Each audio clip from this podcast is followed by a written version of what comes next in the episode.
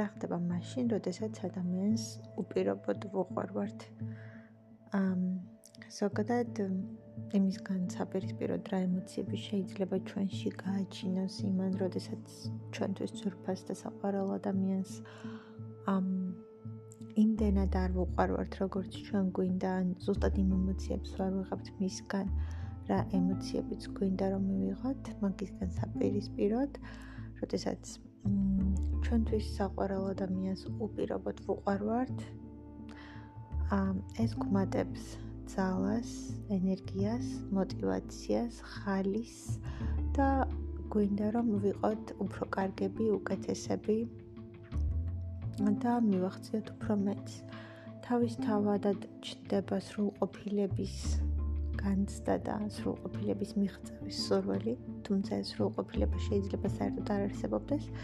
უბრალოდ ის რომ ვიყოთ უფრო კარგები, ვიყოთ უკეთესები და რაც შეიძლება კარგები გავხდეთ.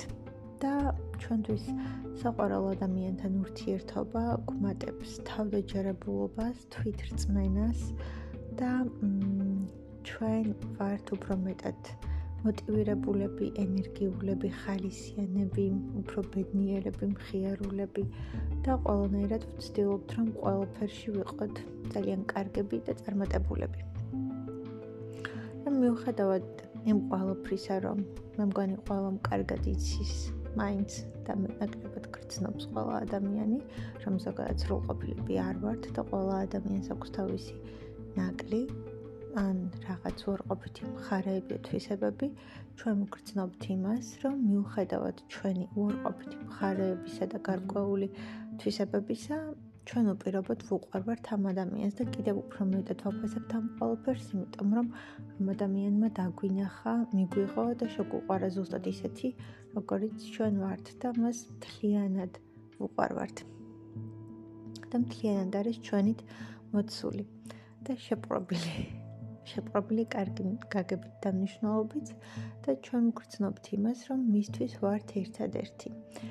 მისთვის ვართ საერთოდ ყველაფერი და მისთვის ვართ მართლაც მთელი სამყარო და ვაბედნიერებთ რაც მთავარია ამ ადამიანს და ის ადამიანი და მისი არსებობა ჩვენ გვაბედნიერებს და უბრალოდ ძალიან კარგად ვართ, ჰარმონიულად ვართ. არის რაღაცა ფრენის შეგრძნება, სიმსუბუქის, სიმშვიდის, სილაღის და ძალიან დიდი თავისუფლების, ბუნებრივი და შინაგანი თავისუფლების და უბრალოდ ჩვენ ვართ ძალიან ბედნიერები.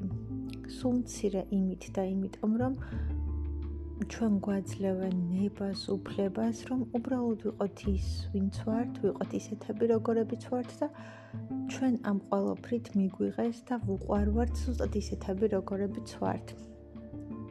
და ეს არის ყველაზე კარგი ემოცია და განცდა, რომ არ გვიწევს რაღაცის თამაში ან თავის მოჩვენება, უბრალოდ ჩვენ, ჩვენი ნაკლოვანებებით, ჩვენი ცუდი მხარეებით, ჩვენი ძალიან ბევრი უარყოფითი გამოვლინებით და თვისებით, მაინც უყარვართ და გვიღებენ.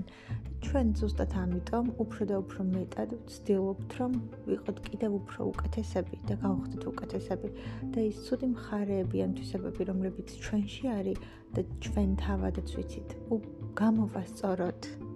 განა იმიტომ, რომ მიგვითითებენ და გვეუბნებიან, რომ როგორი ცუდები ვართ ან ის როგორი ცუდიან, რომ ეს ესე აღარ უნდა იყოს, ან ეს ასე არ უნდა გავაკეთოთ, არამედ პირიქით არ გვეუბნებიან და ხვდებით, რომ აი ამ ძალიან ბევრი ცუდის მიუხედავად ან ამ ნაკლის მიუხედავად ჩვენ იმდენად ვუყურვართ ამ ადამიანს, რომ ჩვენი ეს ცუდი მხარეებიც კი უყარს და უბრალოდ მას ვუყარვართ ჩვენ, ჩვენ ზუსტად ისეთები, როგორებიც ვართ და შენ შეგიძლია იყო ისეთი როგორიც ხარ, შენი თავი და საკუთარი თავი სრულიად გამოავლინო და არ გიწევს რაღაცის თამაში მოგონება.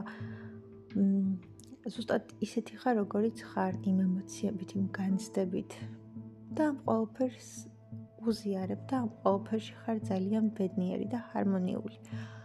ჰარმონიულად, ძალიან დიდი უზარმაზარი და უკიდეგანო დიდი სიმსუბუქის და სიმშვიდის შეგრძნება მოდის შენთან და თავს ყველაზე კარგად ბედნიერად და მშვიდად გრძნობ. და ეს არის ის ურთიერთობა, სადაც გრძნობ იმას, რომ შენ შენი თავი იპოვე და შენ ხარ აბსოლუტურად სრულიად ბედნიერი. და რაც მთავარია, ძალიან ძალიან ხალისიანი მხიარული და მუდმივად დაგყვება ძალიან დიდი სიმშვიდის და სიმსუბუქის შეგრძნება და ყველაფერი რასაც აკეთებ, კარგად გამოგდის, იმიტომ შინაგარად ძალიან ბედნიერი ხარ და უბრალოდ ყოველდღიურობაში ცდილობ, რომ უფრო კარგი იყო და უფრო კარგი გახდე. და ეს ყველაფერი გმატებს ძალიან დიდ ძალას, ენერგიას, мотиваციას, რა თქმა უნდა, თავდაჯერებულობას და ნუ ცდილობ, რომ საკუთარ თავზეც უფრო მეტად იზრუნო.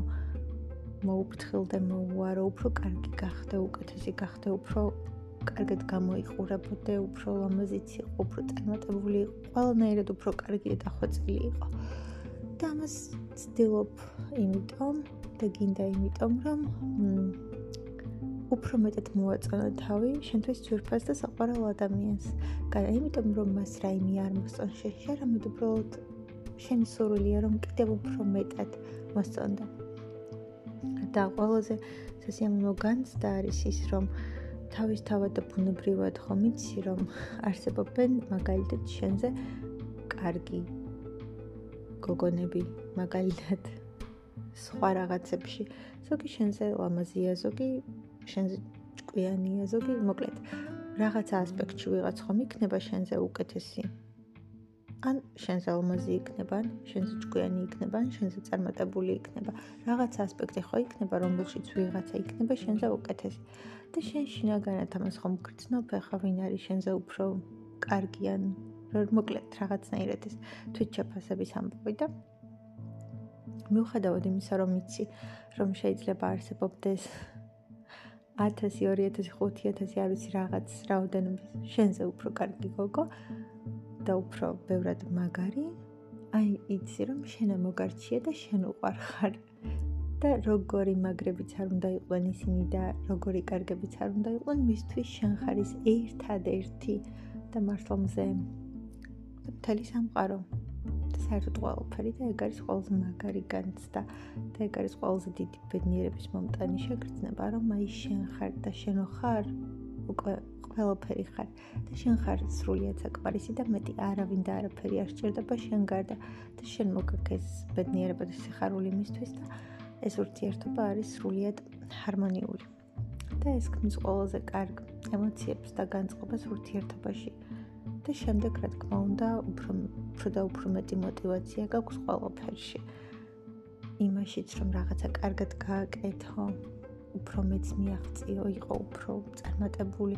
და ნებისმიერი მიღწევა და ნებისმიერი წარმატება გიხარია, იმიტომ რომ მე რემასთან მიხვალ და აი ეტყვი და დაანახებ, რომ აი მე ეს შენთვის მინდოდა და მე ეს იმიტომ გავაკეთე, რომ აი შენ შენთვის დამენახებინან, გამეხარებინიან, აი შენთვის დამტკიცებინან, რომ მე როგორი კარგი ვარ და მე რო ყველაფერი შემიძლია და რომ ყველაფერი გამომდის და იმ ყოველდღიურობაში ცდილობდა, რომ შენც უკეთესი იყო და რა თქმა უნდა ცდილობდა, რომ მასაც იგივენაირად მისცა мотиваცია და ძალა, რომ თვითონაც იყოს ბევრად უკეთესი ვიდრე წინა დღეს და მთელ ჰარმონიას ურთიერთობისას ქმნის ეს, რომ თქვენ ორნი ხართ ერთმანეთისთვის სრულიად სრულიად საკმარისი და ეს არის ყველაზე დიდი ბედნიერება და ყველაზე მაგარი განცდა.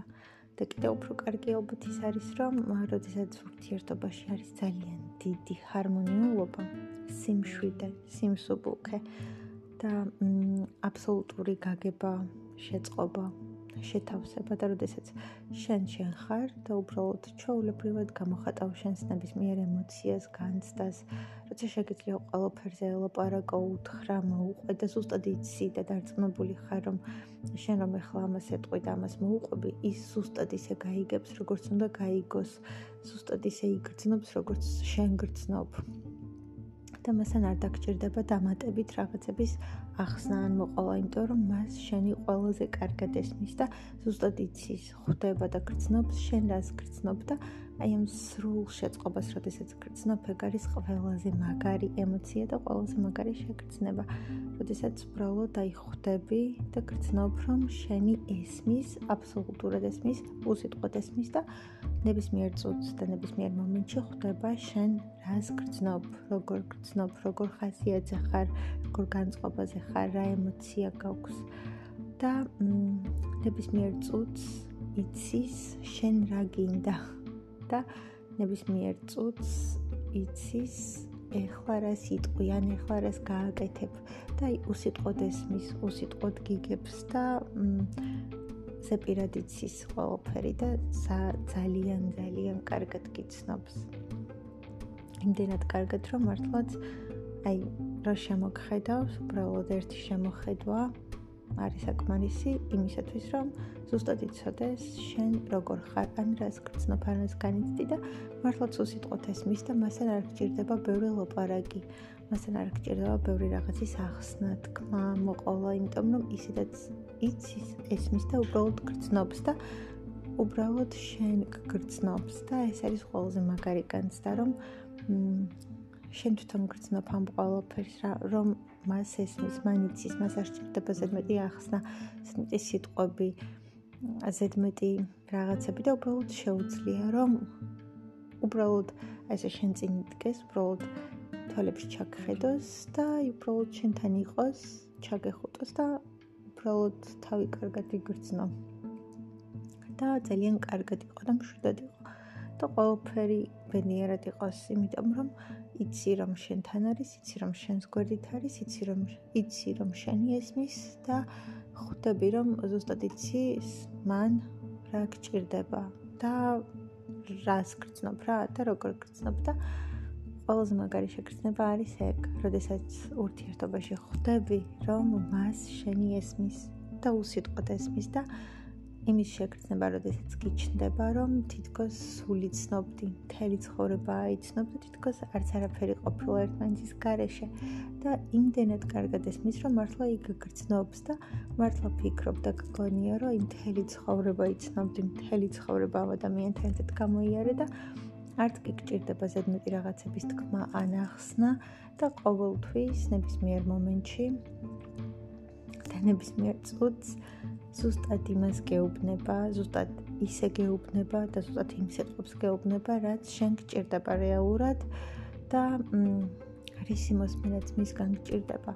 ანუ განა იმიტომ გეუბნება ამას, რომ ეს უნდა მოისმინო და ეს გჭირდება რომ მოისმინო რამედ ამას ფიქრობს. ესეთი დამოკიდებულება აქვს, მაგრამ რეალურად შენ ზუსტად ამის გაგება და მოსმენა გჭირდება და ყველაზე სწორ და ყველაზე შესაფერი სიტყვებს გეუბნება და შენთვის ყველაზე საჭიროს და ადეკვატურს ის მართლაც რაც დაგეხმარება და რაც მოგცემს თუნდაც იმის ძალას, мотиваციას და ენერგიას, რომ რაღაც მერე სხვანაირად გააკეთო და გნა. და ზოგადად მგონია, რომ ურთიერთობაში ყველაზე დიდი ბედნიერება რაც შეიძლება იყოს საერთოდ დაიპოვო ეს არის სიმსუბუქე. სიმსუბუქე ურთიერთობაში და სიმშვიდე. როდესაც თავს ძალიან მშვიდად გრძნობ როდესაც თავს ძალიან მსუბუქად გრძნობ როდესაც არ გჭირდება ზედმეტი რაღაცები უბრალოდ ეს ადამიანი გრძნობს ხვდება და ყოველთვის იცის რა უნდა გააკეთოს როგორ უნდა მოიქცეს რა უნდა გითხრას, როგორ უნდა გითხრას, რა სიტყვებით უნდა გითხრას, რომელი სიტყვები უნდა შეარჩიოს და როდის რა უნდა გააკეთოს და როცა უბრალოდ ერთმანეთს გრძნობთ და ერთად ხართ, ერთად გახართ და როცა როცა რაღაც მომენტში უკან გაიხედავ და დაინახავ მთელ თქვენ ურთიერთობას და მთელ გამოვლელ გზას და კიდევ უფრო მეტად ამაყიდაბედნიერი ხარ, რომ ეს ყველაფერი ერთად გამოიარეთ, ერთად იყავით და ერთად იდეკით. და რომ რომ მთელი ეს ყველაფერი ამ ადამიანთან ერთად გააკეთე და მთელი თქვენი ისტორია მე უკვე რაც არის. და ხო ეს მგონია რომ ურთიერთობაში ეს უსიტყვოდ გაგება უსიტყვოდ მიხვედრა უბრალოდ რომ შემოგხედავს. და ზუსტად იცის შენ რას გრძნობ როგორ გრძნობ და შენ არ გჭირდება ზედმეტად რაღაცების თქმა მოყოლა და აი ზედმეტი რაღაცები რაც სხვა ურთიერთობებში გჭირდება და ბევრი ახსნები და რაღაცები მასთან ეს ყველანაირი ჰარმონია რომ არის და ყველანაირად რომ გრძნობ რომ მართლა აბსოლუტურად ეწყობი და უგებ და გიგებს. ეს არის ყველაზე დიდი ბედნიერება რაც კი შეიძლება იყოს და აი ზუსტად ამ ემოციებს, ამ შეგრძნებას და იმის განცდას, რომ თითქოს მართლა მთელი ცხოვრება აიცნობდი, შემდეგ მოქვს საოცარი სიმშვიდე და სიმსუბუქე და ხვდები რომ ამ ადამიანთან არ გჭირდება ზედმეტი სიტყვები ან ზედმეტი რაღაცების ახსნა, იმიტომ რომ აი ხო ზე პირადი იცის და ხო ისედაც იცის და ხო ისედაც გრძნობს და აი ხო თითქოს მართლა მთელი ცხოვრება იცნობ და ეს არის ყველაზე მაგარი მაგარი მომენტი და როგორც ცუდათაც არ უნდა იყო და როგორი რთული მომენტიც არ უნდა გედგეს, შეიძლება რომ უბრალოდ ეს შენ წინ იდგეს, შენთან იყოს. უბრალოდ ესე თვალებში უყურებდე და ეს იყოს საკმარისი. ყველაფერი იყოს იმ წუთას და მართლა მთელი სამყარო იყოს, იმიტომ რომ შენს თავსაც, მთელს სამყაროსაც, მთელს ცხოვრებასაც და საერთოდ ყველაფერს მის თვალებში ხედავდე და ეს უბრალოდ ძალიან დიდ ძალას, ენერგიას სიმშვიდეს გაძლევდეს და ეს უბრალოდ კარგად გხდიდეს, იმიტომ რომ მის თვალებში ხედავ საკუთარ თავს და ხედავ მთელ სამყაროს და ეს ყველაფერია შენთვის და ძალიან დიდი ძალა და ენერგია და როცა უბრალოდ შეიძლება რომ შენთვის ძვირფასი ადამიანი და შენთვის ყველაზე საყვარელი ადამიანი უბრალოდ ჩაგეხუტოს და მეტი არც არაფერი გააკეთოს და ეს შენთვის მართლა ყველაფერი იყოს. ყველაფერი და სრულიად საკმარისი იმისათვის, რომ ყველაზე კარგად და ყველაზე ბედნიერად ეკრძნო თავი და მე არ მგონია, რომ ამაზე მეტი და ამაზე მეტად რამე იყოს ამ ქვეყნიდან ამ ცხოვრებაში და ამაზე მეტად ან ამაზე კარგად რამე გაგრძნობინებდეს საერთოდ თავს. და ეს არის ყველაზე დიდი ბედნიერებები და ის მომენტები რომლებიც შეიძლება რომ ურთიერთობაში აღმოაჩინო. ყოველ შემთხვევაში მე ისე ვფიქრობ და ასე მგონია რომ ურთიერთობაში სიმსუბუქეზე მეტი არაფერი არ არის, როდესაც ძალიან ძალიან კარგად გრძნობ თავს და უბრალოდ აი ძალიან კარგად ხარ, უბრალოდ იცი რომ ძალიან ძალიან კარგად ხარ, მშვიდად ხარ, როდესაც თავს გრძნობ ისე, როგორც შინ და სახლში, როდესაც მასთან ხარ და გრძნობ რომ სახლში ხარ, შინ ხარ, თბილად ხარ, მყუდროდ ხარ, კომფორტულად ხარ, როცა დაცულად გრძნობ თავს და როცა მისი იმედი გაქვს.